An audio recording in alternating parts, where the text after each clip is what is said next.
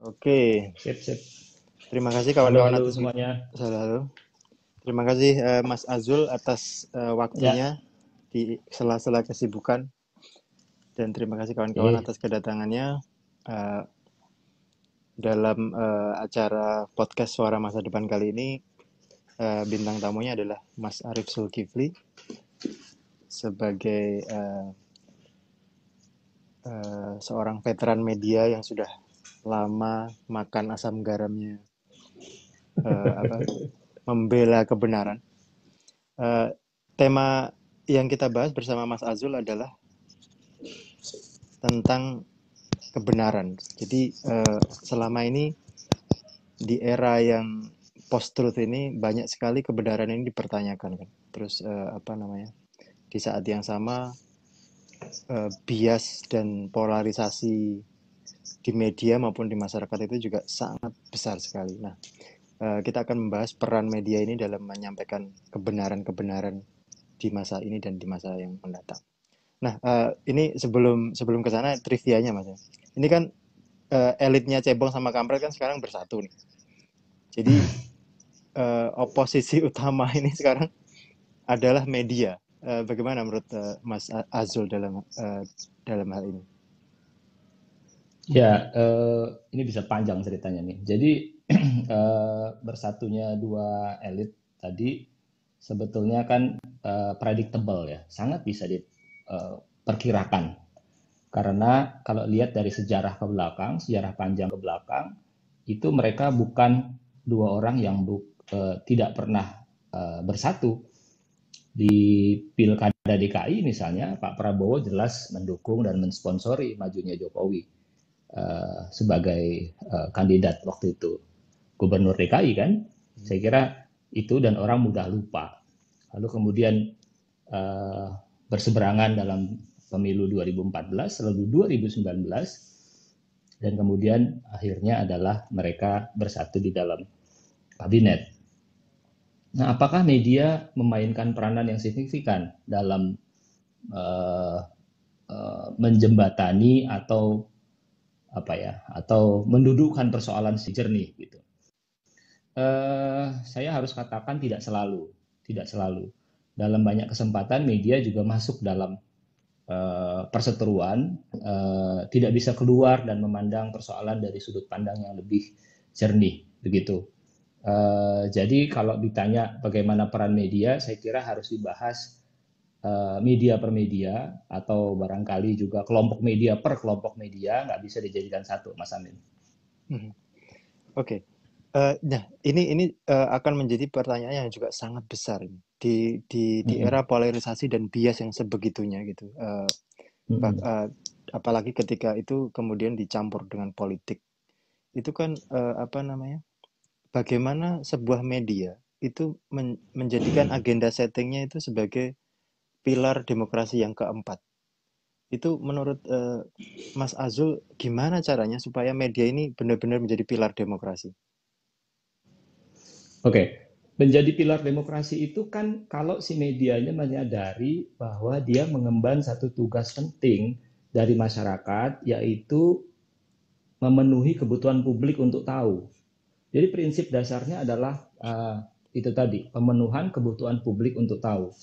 Jadi eh, agenda setting, kalau pertanyaannya agenda setting adalah agenda setting itu bisa tidak dalam kerangka memenuhi kebutuhan publik untuk tahu, tapi agenda setting untuk mencapai tujuan politik media gitu misalnya kan kan bisa begitu juga gitu. Nah sekarang saya mau diskusikan dari perspektif eh, apa yang seharusnya.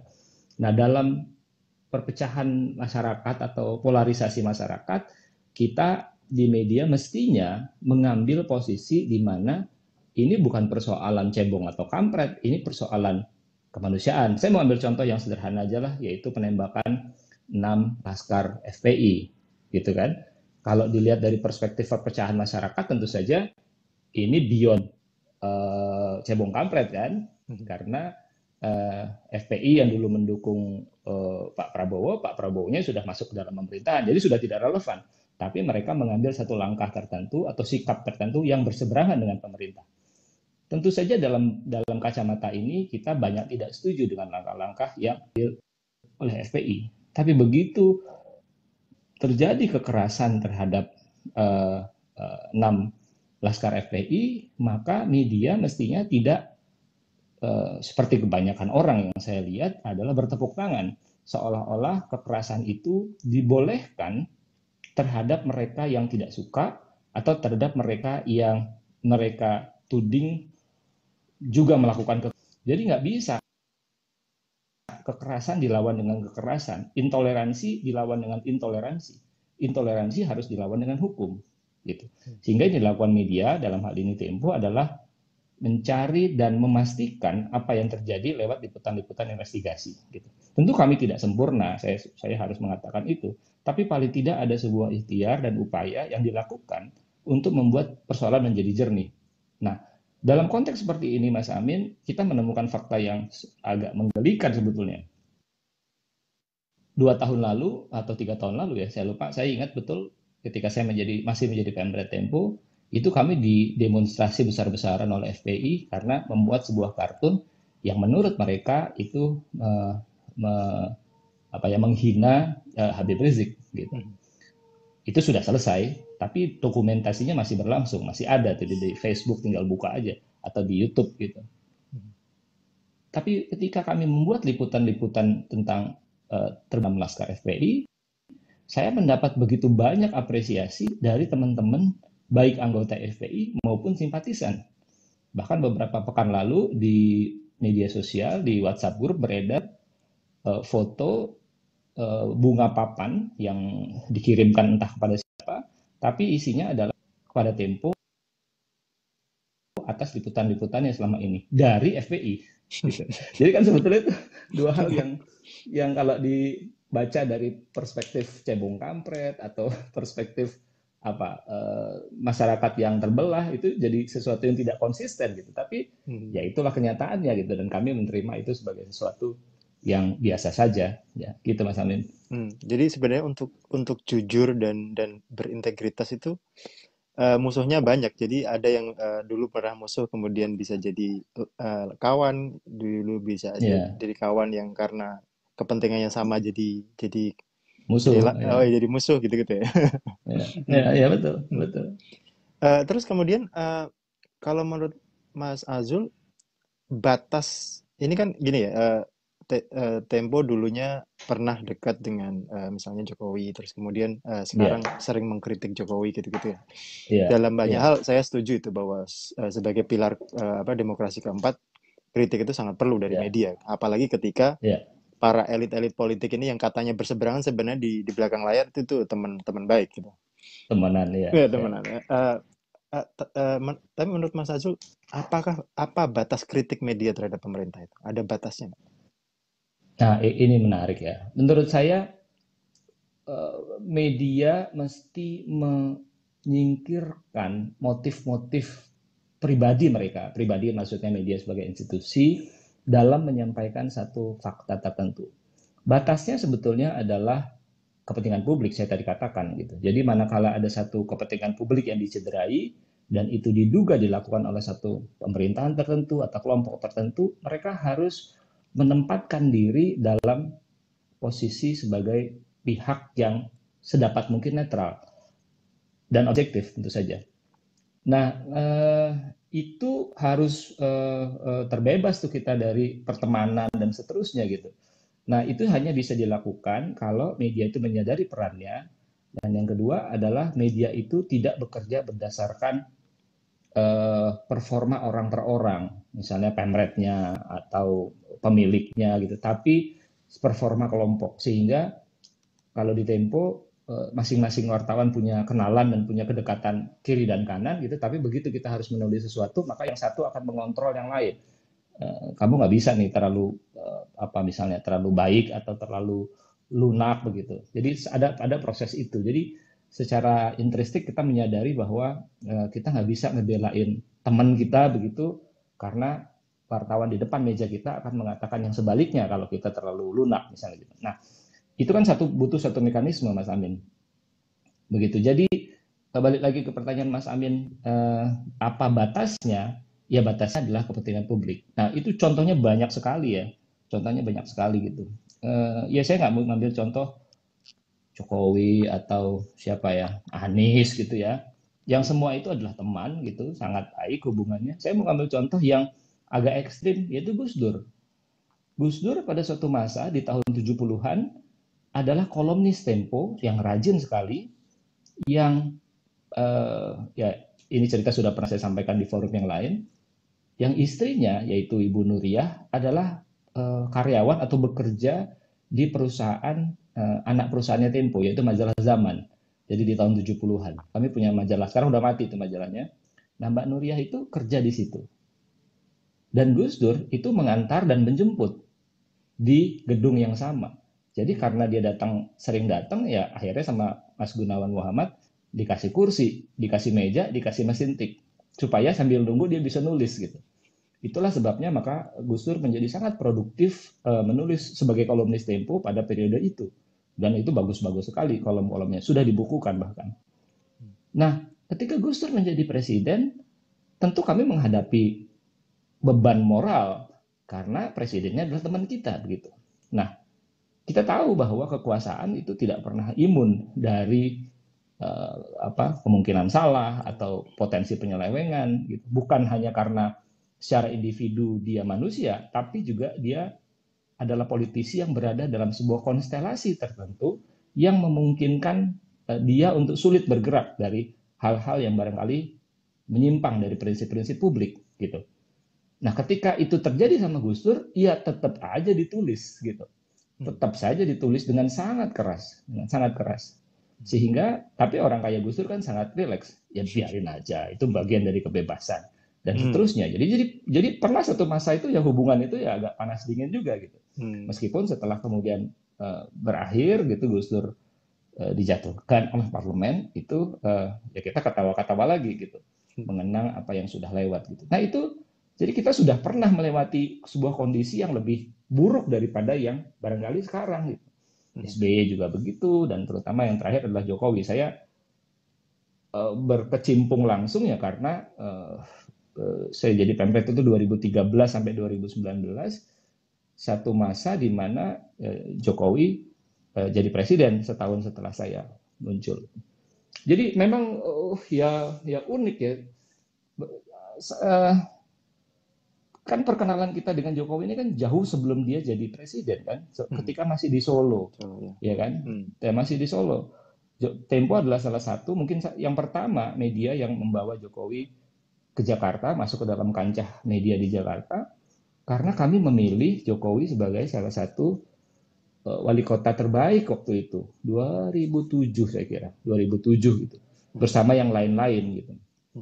Jadi datang ke kantor, kita diskusi, pemotretan, dan muncul dalam cover story wali kota wali kota terbaik 2007. Gitu. Jadi kita tuh udah dekat sekali, uh, begitu. Nah, ketika kemudian di 2014 uh, pemilihan presiden, uh, pemilahannya juga tidak kalah seru dibandingkan 2000 uh, berapa? 2019.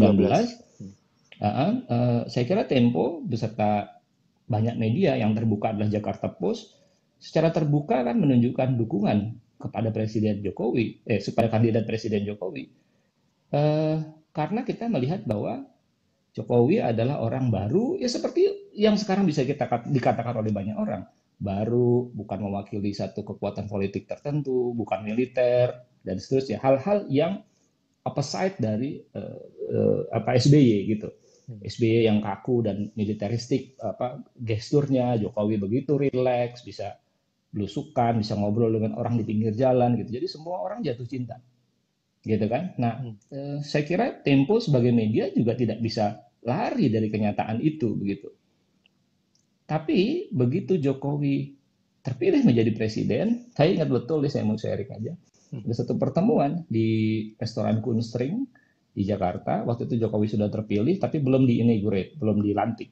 Hmm. Kita ketemu dengan beberapa wartawan dan di situ ada satu kesempatan yang saya sampaikan kepada Presiden bahwa Pak Jokowi kalau dalam pemilu kemarin uh, kami mendukung Bapak, ya bukan sekedar karena kita teman Pak gitu, tapi kami mencemaskan masa depan demokrasi Indonesia jika Bapak kalah gitu. gitu. Saya, eh, maksud saya adalah kalau Pak Prabowo menang karena apa? Bukan karena hmm. macam-macam, tapi karena potret Prabowo masa masa lalu Prabowo itu yang cukup mencemaskan gitu. Saya kira kita semua sudah tahu. Gitu. Tapi Pak, tapi Pak, kalau Bapak nanti sudah dilantik, ya izinkan saya, izinkan kami untuk kembali ke dalam uh, hakikat kami sebagai wartawan, yaitu tukang kritik Pak. Jadi uh, ya mohon izin kami akan mengkritik Pak gitu. Hmm. Dan Pak Jokowi itu jawab dengan sangat uh, sincere begitu dan melegakan karena waktu itu saya baru pemret tuh saya tahu saya berhadapan sama problem besar nih dalam lima tahun ke depan. Yaitu menjaga independensi Tempo dan Pak Jokowi menjawab iya mas nggak apa-apa mas dikritik aja yang keras saya diingatkan gitu loh hmm. wah saya ngerasa wah sudah nih hmm. selesai nih urusan ini kan artinya saya bisa melakukan kritik liputan sepanjang itu bisa dipertanggungjawabkan secara jurnalistik gitu. Nah makanya semenjak itu kemudian Tempo mengambil posisi sebagai media yang uh, apa, oposisi lah oposisi pemerintah karena itulah memang yang dibutuhkan demokrasi. Itu gitu, di, mas. di antara presiden dari sejak zaman uh, oh ya mas, oke. Okay. Uh, itu Gimana, di antara mas? presiden dari zaman Soeharto sampai zaman Jokowi yang paling baper siapa mas? Oh, Pak Pak SBY itu baper loh. Hmm. Sering sering nelponin gitu. Ini kenapa saya di Enggak. Enggak, enggak nelpon tuh tidak. Jadi setelah eh, periode reformasi itu kan saya kira para presiden menyadari bahwa media tuh udah nggak bisa kayak dulu lagi di telepon-telepon gitu ya. Tapi eh, eh, saya dengar dari pemret yang lama itu Mas Bambang Harimurti misalnya nggak ditegur itu biasa tuh. Jadi dalam pertemuan misalnya nggak ditegur ya karena kita bikin liputan gitu. Uh, waktu itu saya masih ya salah satu redaktor pelaksana lah gitu kita bikin liputan tentang keputusan pemerintah, pemerintah yang nampak ragu-ragu dalam mengambil keputusan menaikkan harga BBM gitu. Hmm. Nah, kita tulis proses politiknya dan kemudian covernya adalah Pak Jokowi, eh sorry Pak SBY dengan satu banner di bawahnya itu eh, selalu bimbang ya gitu dengan SB dan Y yang dibesarkan hurufnya gitu. Jadi SBY itu kayak uh, apa uh, singkatan dari selalu bimbang ya gitu. Nah, saya saya dengar dari Mas Bambang Harimurti, waduh presiden agak ngambek nih gitu. Tapi ya udah dua bulan tiga bulan kemudian baik lagi gitu. Hmm, gitu. Oke, okay. hmm. okay, Mas, uh, kita sekarang uh, mencoba uh, apa namanya membahas sesuatu yang yang lebih lebih umum lebih besar ya.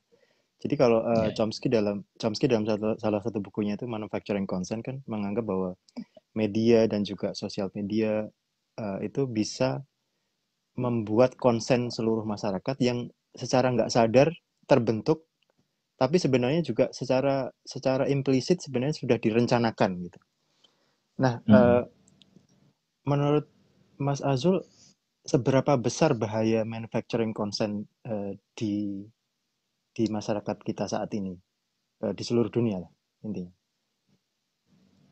Ya artinya kalau kita bicara uh, manufacturing consent itu artinya kan kita sedang bicara tentang satu agenda tertentu gitu ya yang uh, disiapkan oleh media gitulah ya, mm-hmm. yang kemudian publik secara sadar sadar ikut. Nah pandangan ini saya tahu buku ini uh, jadi sangat populer di tahun 80-an mengasumsikan bahwa media itu atau komunitas media itu sebagai sebuah kesatuan yang vivid gitu, yang yang solid, uh, pejal, yang tidak ada rongga di dalamnya gitu.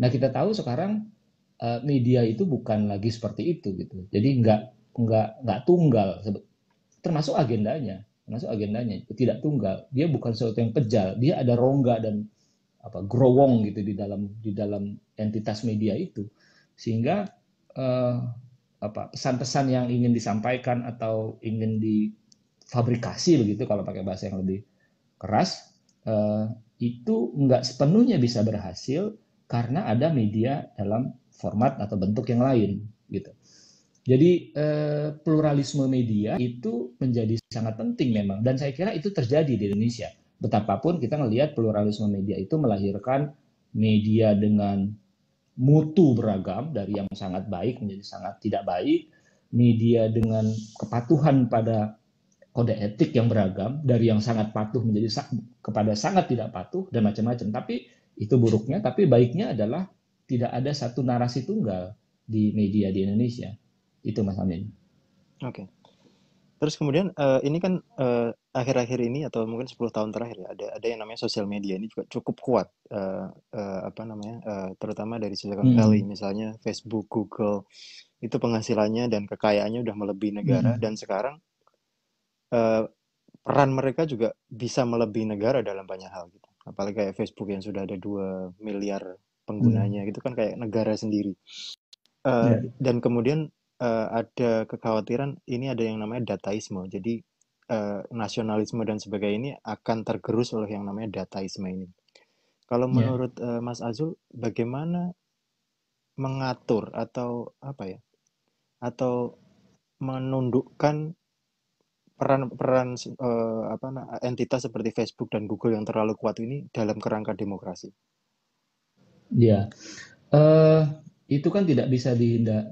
Kita tidak bisa menghindari itu karena uh, mereka punya algoritmanya, gitu ya. Di Indonesia ini juga jadi diskusi yang sangat serius, Mas Amin. Jadi Dewan Pers, di mana saya juga menjadi anggota sejak tahun 2019, itu menginisiasi satu desk khusus yang apa ya bertugas atau berperan mendiskusikan soal-soal media sustainability dan dalam komunitas pers. Uh, lumayan aktif uh, DES ini, terutama setelah uh, kita diterjang sama pandemi gitu.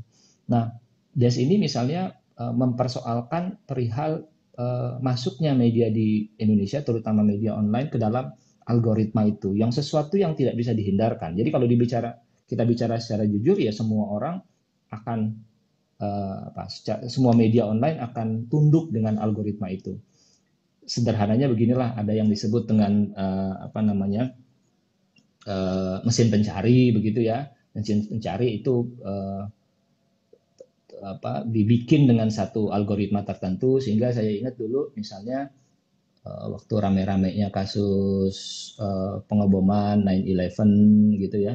Hmm. Uh, siapa ininya nih uh, uh, apa pelakunya ini yang tertembak? 9/11 uh, 9/11 uh, apa namanya uh, tokohnya nih jadi oh uh, Osama bin Laden. Osama bin Laden sorry. Hmm. Osama bin Laden begitu. Dulu waktu di periode itu uh, kami di Tempo menulisnya sebagai uh, uh, wordingnya adalah Usama bin Laden gitu. Usama bin Laden. Tapi itu kan ditolak oleh oleh mesin pencari gitu. Hmm. Jadi kalau kita tulisnya Usama bin Laden maka tulisan-tulisan Tempo nggak pernah bisa masuk dalam ranking atas di dalam mesin pencarian. Jadi harus dibikin Osama bin Laden kan dengan pronunciation barat kan. Hmm. Nah ini kan contoh sederhana ya, ini contoh yang sangat sederhana. Sehingga akhirnya kita di judul kita kita mendua tuh di judulnya kita taruh Osama bin Laden. Hmm. Tapi di dalam tulisan kita bikin Usama bin Laden dengan penjelasan gitu, hmm. uh, bin Laden gitu. Hmm. Uh, itu yang yang kayak kayak begitu. Nah uh, ini memang jadi tidak terhindarkan. Nah, ada gagasan untuk melawan dalam tanda kutip melawan, tapi kita juga punya punya pengalaman uh, di negara lain gitu. Misalnya kayak Jerman ya yang saya tahu itu juga melakukan perlawanan, tapi kemudian oleh uh, mesin pencari seperti Google, Facebook itu kemudian malah mereka hilang di dalam dalam uh, pencarian itu uh, apa berita-berita dari media-media yang melawan itu. Jadi memang harus uh, cukup hati-hati. Nah, ada gagasan lain ini diinisiasi oleh pemerintah, uh, tapi didiskusikan di dalam desk media sustainability adalah untuk membuat semacam Google-nya lagi versi Indonesia gitu. Jadi ada satu uh, diinisiasi oleh Telkom saya kira BUMN uh, besar. Tapi ini juga baru awal sekali sehingga kita belum terlalu yakin ini bisa efektif dalam waktu dekat. Gitu Mas Amin. Jadi eh, fenomena eh, Google, Facebook yang menguasai percakapan, mendrive bahkan mendikte media untuk menulis berita tertentu dan tidak berita tertentu dengan cara tertentu dan bukan cara yang lain adalah sebuah fenomena dunia. Nah, sekarang bagaimana kita menghadapi itu semua? Saya sebetulnya punya satu resep yang saya ini maksud saya Tempo ya, yang mungkin bisa di contoh betapapun ini tidak gampang, yaitu mengubah model bisnis. Nah, model bisnis yang sekarang ini dilakukan oleh banyak media karena dianggap paling cepat mendatangkan untung adalah model bisnis media eh, apa namanya gratis. Jadi semakin banyak orang yang membaca media itu, semakin banyak iklan masuk. Kira-kira gitulah ya. Hmm. Nah, untuk mendapatkan sebanyak mungkin orang membaca atau kerumunan sebanyak mungkin, media itu melakukan apa pun termasuk membuat berita-berita yang mutunya tidak baik. Hmm. Misalnya clickbait, itu yang sering sekali dikeluhkan kan. Hmm. Berita-berita yang menipu, judul sama isinya berbeda, ya kan? Berita-berita yang dangkal, berita-berita artis gitu kan. Persoalan-persoalan gisel begitu, ya itu memang uh, rame dan cepat mendatangkan kerumunan, tapi secara esensial kan nggak mendidik apa-apa pada publik. Nah, yang dilakukan Tempo selain Tempo.co yang juga uh, uh, itu uh, secara apa gratis, kita membuat satu mekanisme berbayar. Nah, kalau berbayar, sekecil apa pun sumbangan publik kepada media, maka kita tidak masuk ke dalam logika uh, apa namanya mesin pencari gitu. Hmm. Gitu. Jadi di Tempo ada tempo.co yang merupakan gerbang untuk mengumpulkan orang, tapi tujuannya bukan semata-mata untuk mencapai kerumunan yang besar dan menghasilkan iklan, tapi di balik itu ada satu motif lain, yaitu gerbang ini mengkanalisasi orang untuk berlangganan. gitu. Jadi begitu dia masuk tempo.co, dia akan ditis dengan atau di apa dirayu dengan berita-berita yang mungkin di permukaan supaya mereka masuk ke dalam berita yang lebih mendalam. Nah, kemudian mereka menjadi pelanggan. Nah, kalau mereka menjadi pelanggan, maka kita akan uh, meninggalkan model bisnis yang lama dan kita bisa terbebas to some extent dari uh, apa, kewajiban untuk memenuhi uh, apa logika mesin pencari itu. Apa hasilnya? Ya syukur ini sekarang, uh, yaitu kami sudah mencapai jumlah pelanggan tertentu sehingga kami berani pelan-pelan meninggalkan versi cetak. Itu yang terjadi sama Koran Tempo. Jadi per 1 Januari kemarin, Koran Tempo tidak lagi terbit cetak. Hmm. Gitu. Jadi kami sepenuhnya pindah ke digital mereka yang romantis pada kertas akan mengatakan innalillahi wa innalillahi rajiun. Hmm.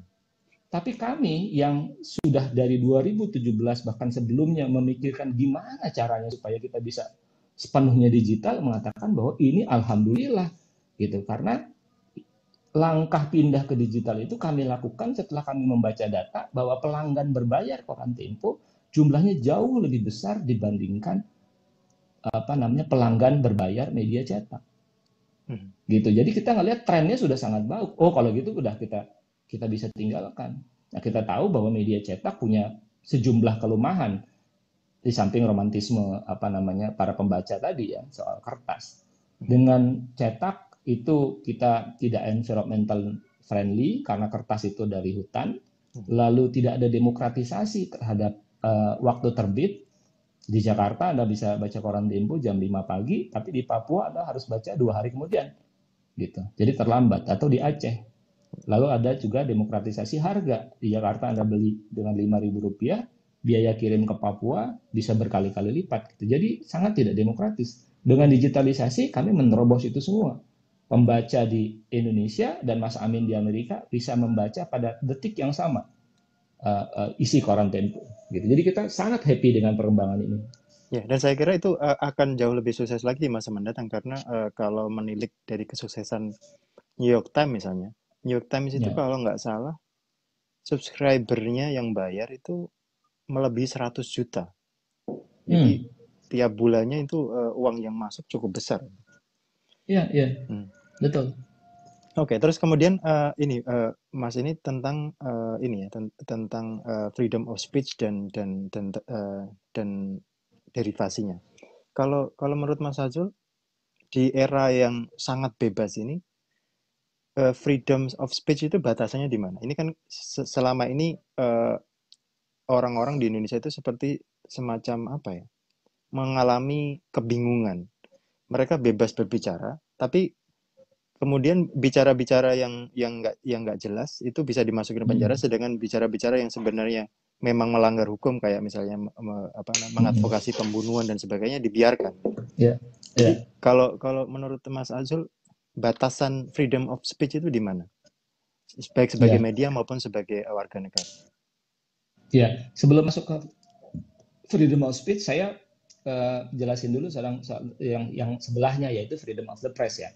Kalau freedom of the press, the press itu uh, kebebasan yang bebas sepanjang ada uh, batasannya. Saya selalu menganalogikannya itu seperti berjalan di dalam di antara dua dinding gitu kayak koridor. Dinding satu adalah kebutuhan publik untuk tahu, dinding yang lain adalah uh, etika.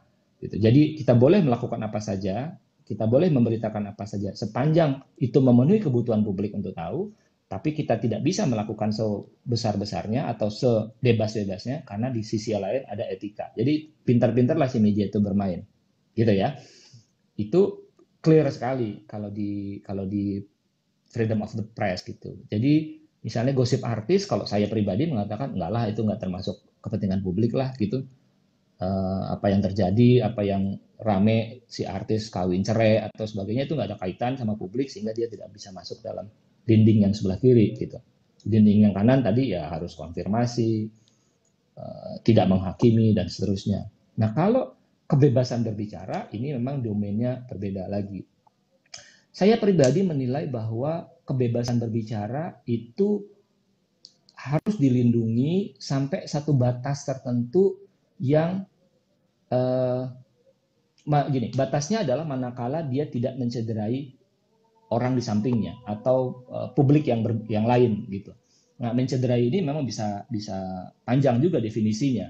Kalau menyerang secara apa secara lisan gitu, secara verbal termasuk mencederai atau enggak gitu.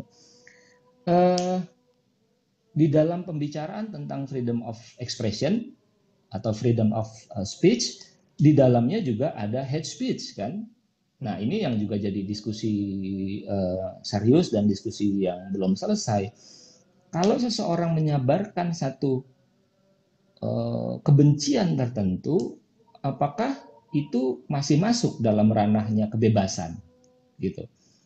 Uh, saya ingat ada satu peneliti dari uh, dari Hong Kong Cherian George namanya yang baru saja meluncurkan buku baru saja ini kira-kira tahun lalu. Luncurannya di Tempo saya ingat betul. Versi bahasa Indonesia bukunya itu dia mengusulkan bahwa uh, bukan hate speech yang harus diperangi karena dalam menentukan hate speech hate-nya itu bisa didefinisikan dari berbagai perspektif dan mengandung bias. Seseorang bisa mengatakan itu sebagai hate seorang yang lain bisa mengatakan itu bukan hate gitu. Jadi yang mana yang mesti mesti dibatasi? Nah, Cherry and George mengusulkan supaya yang dibatasi adalah uh, head spin atau pelintiran uh, apa ujaran pelintiran, bukan ujaran kebencian gitu. Jadi kalau kebencian itu tidak disertai dengan uh, kebencian, dia katakan ya masih oke, okay, gitu, masih bisa gitu. Tapi kalau sudah dipelintir, faktanya itu di dimanipulasi. Nah, ini yang bisa, ini yang membatasi. Kok saya kok ya setuju ya sama Cherry and George. Itu maksud uh, itu maksudnya perbedaannya di mana, Mas? Uh, saya masih kurang jelas. Itu kalau misalnya kita antisemitik itu termasuk di mana itu? Uh. Misalnya antisemit gitu ya. Terus uh, ya mungkin kita bawa ke konteks Indonesia lah ya. Misalnya hmm. apa? Uh, anti uh, anti pemerintah, anti ras tertentu begitu dan dia katakan dengan argumentasi yang benar, dengan apa? Dengan fakta-fakta yang tidak dipelintir, itu tidak bisa dikatakan itu masih berada dalam koridor uh, kebebasan berekspresi, kira-kira gitu loh. Tapi hmm. kalau dia pelintir faktanya, dia sampaikan fakta yang salah, dia memfitnah, nah itu itu nggak bisa dilindungi loh. Kira-kira gitu, Mas Alin. Hmm, oke oke oke oke. Oke. Terus ini kemudian uh, kaitannya sama uh, sama warga negara. Uh, bisa uh, mungkinkah atau bisakah jika suatu saat nanti salah satu hak asasi manusia itu hak asasi untuk mendapatkan data imparsial. Jadi di di tengah uh, apa polarisasi yang sebegitu hebatnya ini uh, bisakah nanti suatu saat negara itu menjamin hak asasi data imparsial itu kira-kira? Ya mestinya sih kalau ke depan kita mesti perjuangkan itu ya. Kita mesti perjuangkan itu. undang Undang-undang keterbukaan informasi publik kan sebetulnya memuat semangatnya, memuat semangat itu gitu. Tapi dalam prakteknya uh, enggak. Uh, data tentang kematian Munir misalnya kan sampai sekarang hilang tuh dinyatakan nggak ada tuh gimana ceritanya atau dibakar ada, gedungnya atau nggak tahu lah kita kita nggak tahu tuh sehingga Mbak Suci istrinya almarhum Munir tuh sampai ya teriak-teriak ya nggak ada ininya juga gitu. Nah, yang kayak kayak begini dalam praktek memang uh, masih terjadi gitu. Meskipun secara prinsip sebetulnya uh, undang-undang keterbukaan informasi publik bahkan ada organisasinya kan mm-hmm. untuk menjaga itu. Organisasi negara, organisasi yang dibentuk oleh undang-undang. Gitu. Itu juga uh, uh, mestinya mengarah ke sana, Mas Amin. Hmm.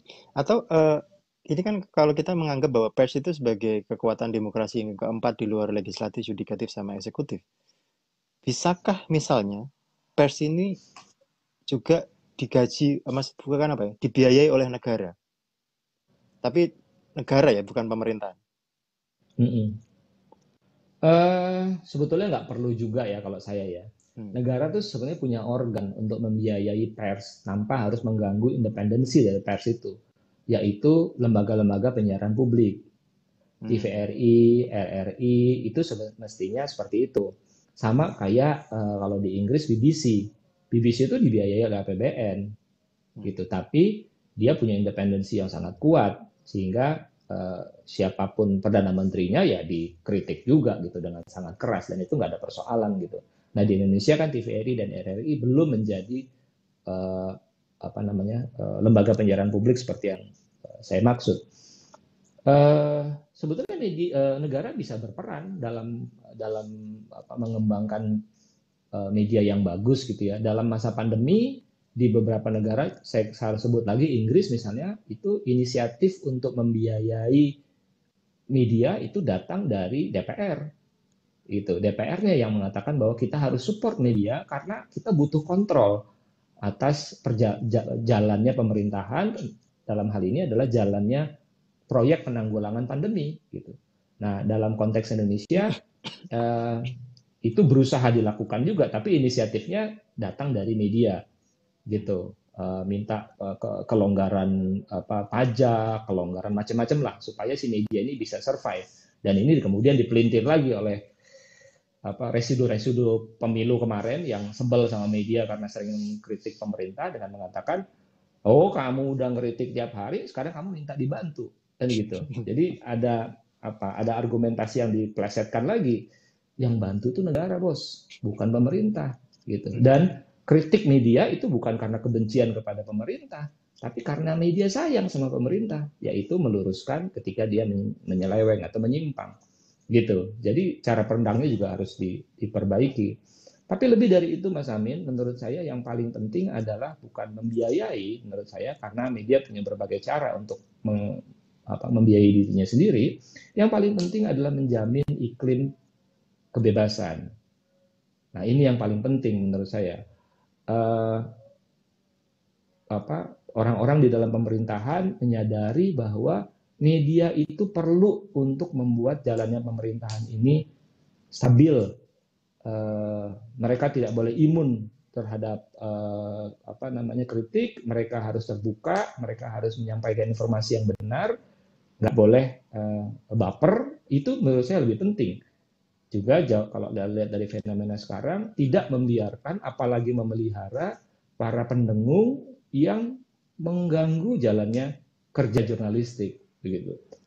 Nah ini bisa panjang nih kita diskusi soal para pendengung ini, karena yang mereka lakukan ya kita bisa uh, mengabaikan mereka atau tidak mendengarkan, tapi faktanya publik dipengaruhi atau terpengaruh terhadap mereka.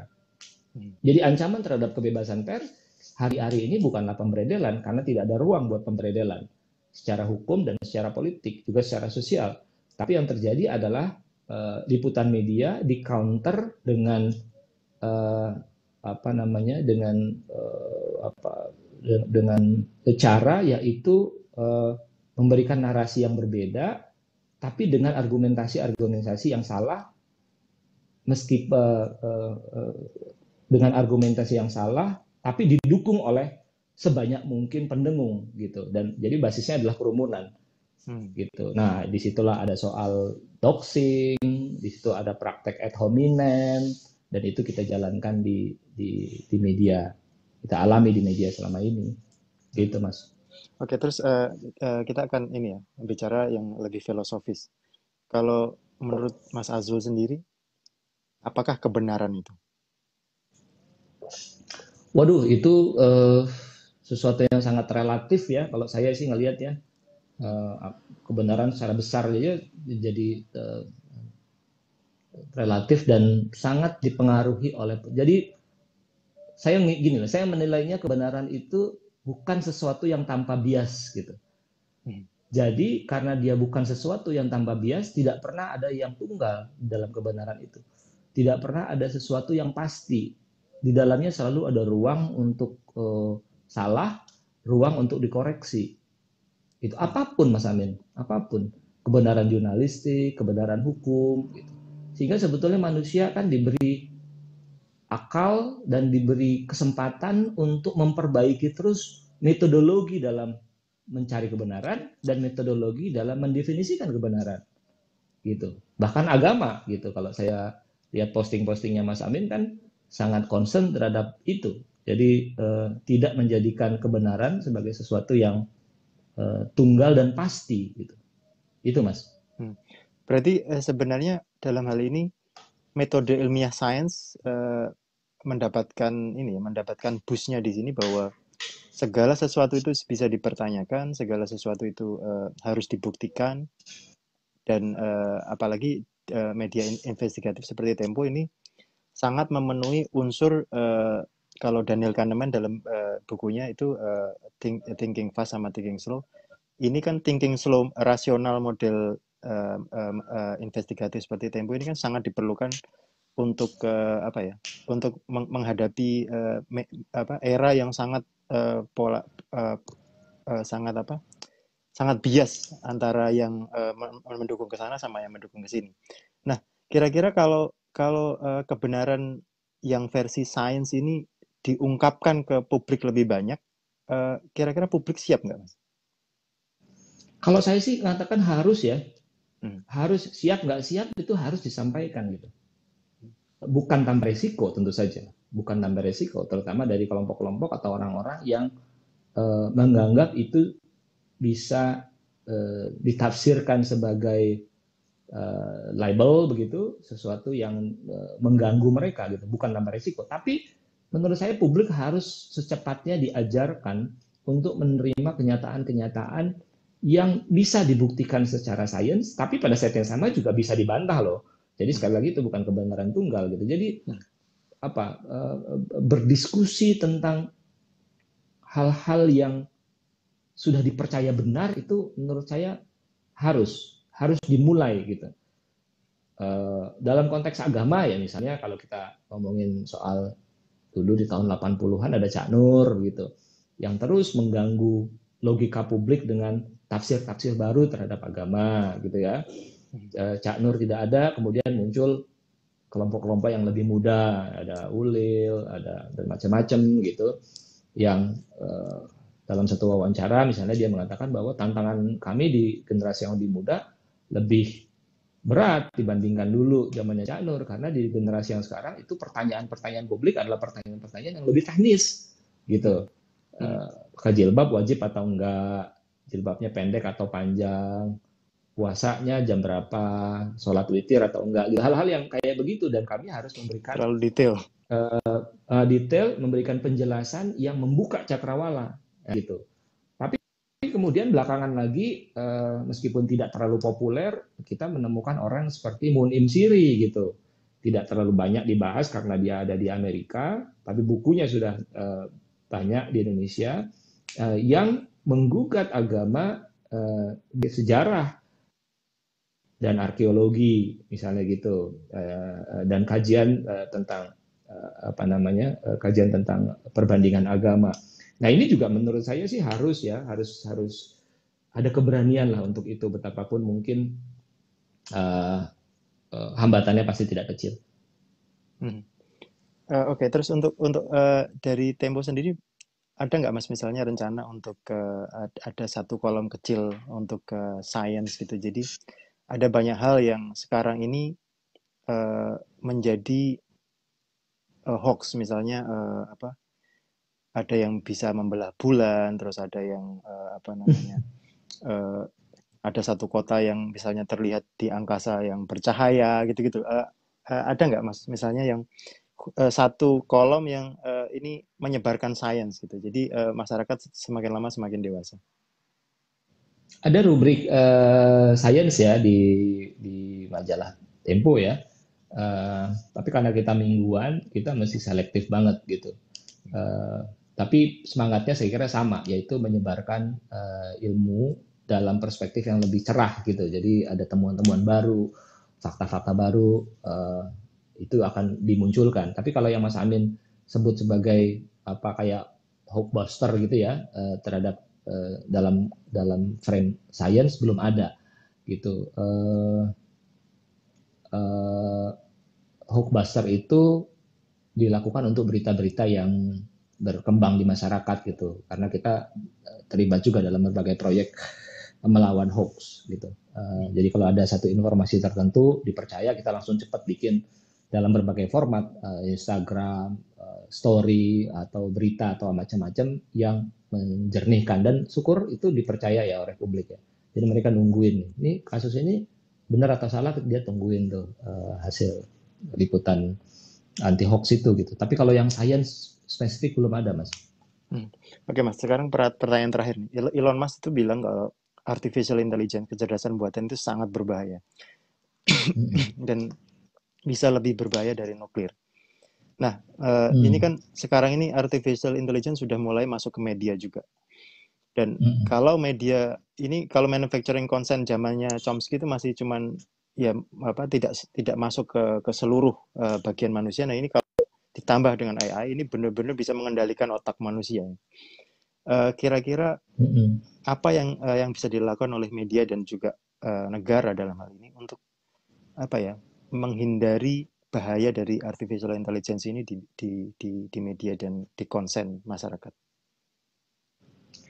Uh, tentu saja lagi-lagi regulasi ya regulasi tapi ya mengharapkan mengharapkan pemerintah membuat regulasi atas ancaman yang masih jauh di depan tentu saja kita seperti menggantang asap gitu kan. Uh, uh, ya uh, pemerintah sekarang disibukkan oleh berbagai problem masa kini dan sekarang gitu. Sayangnya ya, bagaimana mendatangkan vaksin, bagaimana memvaksinasi, meyakinkan orang supaya mau divaksin dan sebagainya itu problem-problem saat ini. Jadi saya kira masih terlalu jauh dan saya tidak terlalu yakin juga ada orang yang khusus memikirkan seperti itu. Tapi saya sepakat bahwa uh, artificial intelligence itu sampai tahap tertentu dia membantu, tapi pada satu titik yang lain barangkali dia bisa jadi ancaman. Nah, sekarang eh, di Tempo misalnya juga di banyak media itu masih dalam tahap mencari manfaat sebanyak-banyaknya dari hal ini gitu. Ya yang sederhana saja misalnya di Tempo kami punya media berbayar, koran dan majalah. Kami sedang menyiapkan juga satu mekanisme di mana buat orang yang malas membaca dia dibacain gitu. Si koran dan isi majalahnya itu dibacain. Uh, sa sampai saat ini kita masih menugaskan satu orang untuk uh, membacakan itu.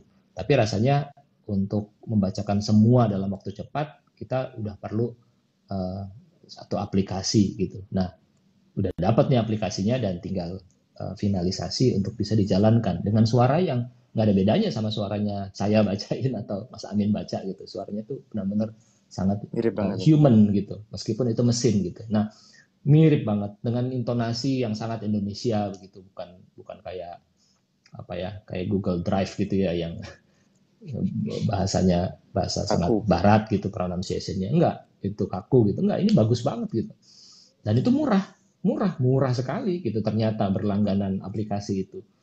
Nah, yang begini-begini eh, tentu di tahap yang kita eh, apa namanya eh, terbantu ya Mas Amin ya, terbantu. Juga saya kira juga sedang dikembangkan eh, satu mesin pencari yang bagus atas arsip-arsip yang dimiliki Tempo selama ini. Itu Tempo eh, merupakan pencatat sejarah Orde Baru karena kita terbit tahun 71 minus periode Bredel 94 sampai 98 tapi di luar itu hampir semua peristiwa yang terjadi di masa Orde Baru itu tercatat lewat Tempo. Nah ini yang belum belum dibikinkan mekanismenya. Nah sekarang juga kita lagi kembangkan itu. hingga kita punya uh, tempo bagian namanya tempo data science untuk mengembangkan hal-hal seperti itu. Gitu. Jadi sekali lagi uh, di Indonesia kita masih mencari hal-hal yang bermat atau memanfaatkan semaksimal mungkin dari artificial intelligence gitu. Saya kira ke depan apa yang dikhawatirkan Mas Andin uh, akan terjadi dan itu memang harus diantisipasi. Oke. Okay. Oke, terima kasih sekali lagi Mas Azul atas waktunya. Terus uh, terima kasih kawan-kawan atas kehadirannya. Nanti juga akan disambungkan di, di YouTube uh, dan di Spotify uh, pembicaraan ini. Dan uh, Mas Azul sampai jumpa di Amerika beberapa hari lagi. Terima kasih. Dan untuk semua uh, makhluk jumpa, semesta, Thank you ya. Uh, semoga semua makhluk berbahagia. Terima kasih. Terima kasih.